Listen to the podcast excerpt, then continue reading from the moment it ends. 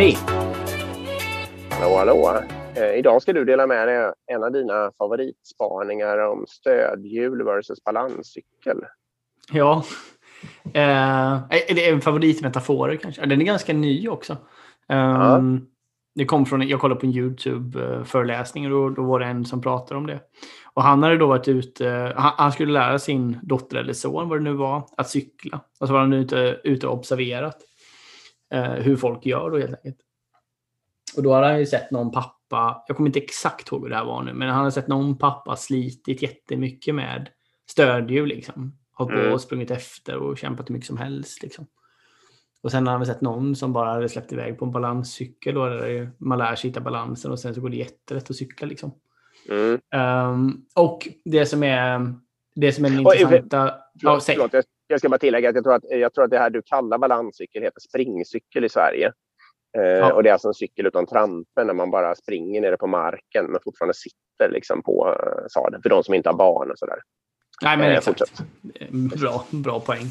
Um, nej men det som är det intressanta då är ju så här liksom att, jag, jag har ju själv lärt mina barn att cykla. Det är otroligt mycket lättare om man gör, använder springcykel som du säger då. Alltså att de lär sig mm. hitta balansen först. Då är steget sen till att börja trampa otroligt liten och då har mm. de liksom lärt sig själva nyckelkompetensen att hålla balansen på två hjul.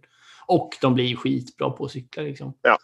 Jag har ju också försökt med stödhjul och då håller man ju på mer än ett halvår och sen kommer man ingenstans så fort man tar bort dem. Liksom.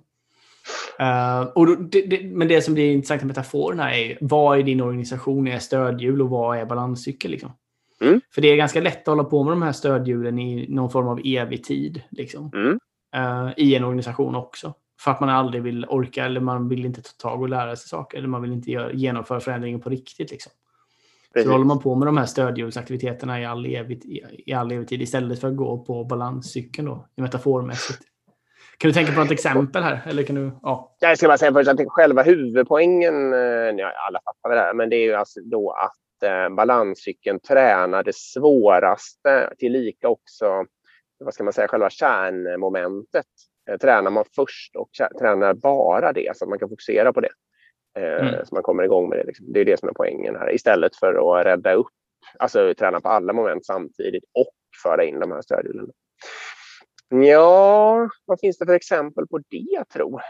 Alltså att gå stenhårt in i en befintlig metod. Alltså att, att hitta en metod och följa den rakt av utan att anpassa den till sin verklighet och så vidare. Det är ju lite stödhjul.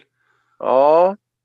Det är ju liksom att då vill, då vill man inte på riktigt ta hand om. Utan, och det kanske inte är fel alltid heller, men, men det är ju lite, om man håller på med det för länge och inte anpassar efter sin verklighet och så vidare, då är det ju lite att använda stödhjul. Liksom. Mm, man förstår inte hur det egentligen funkar. Eh, och precis, om man bara tar den. Och man, man klarar inte sin, sin kärnarbetsuppgift och dessutom så tar man en helhet utan att skala bort det så att det bara är det viktiga kvar.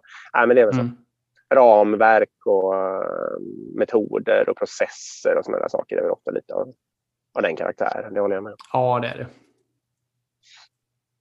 Det är det faktiskt. Jag vet, men det, men det, det man, ja, precis.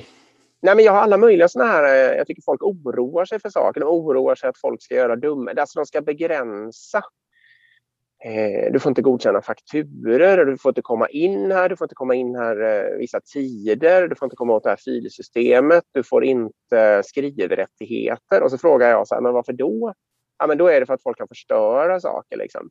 Och då mm. känner jag så här, okej, okay, har vi anställt människor här som kommer, om de får eh, edit, vad heter det, editeringsmöjligheter i alla de här dokumenten mm. där vi jobbar. Liksom. Kommer de då gå in och sabba det första de gör? Liksom? Är, det deras, är det den sortens människor vi har anställt? Då har vi anställt fel människor kan man säga. Exakt, då är kanske inte problemet det i första hand att styra de här rättigheterna. Utan då kanske vi har andra problem. Och det är ju lite stödhjul tycker jag. Mm. Eh, man jobbar upp en sån kultur när folk inte tänker själva och tar ansvar utan man ja, har en kultur verkligen. där man ska kontrollera människor istället. Liksom. Det är en bra poäng. Och ja. precis, det, det, man får, det, det som är intressant som ledare då, eller även som icke-ledare i en organisation, det är ju att fundera på vad på min arbetsplats gör vi som faktiskt på riktigt är springcykel eller balanscykel. Då? Mm. Och vad är det vi faktiskt gör som bara är en stödhjulsaktivitet som vi faktiskt mm. borde snurra av de där stödhjulen och lära oss det på riktigt istället. Mm. Det är väl mm. det som är själva eftertanken. Exakt. Lära oss det i någon enklare form. Liksom. Ja. Eh, och sen go, gör Go advanced. Liksom. Ja, men precis. Det var allt för idag. Ja, bra.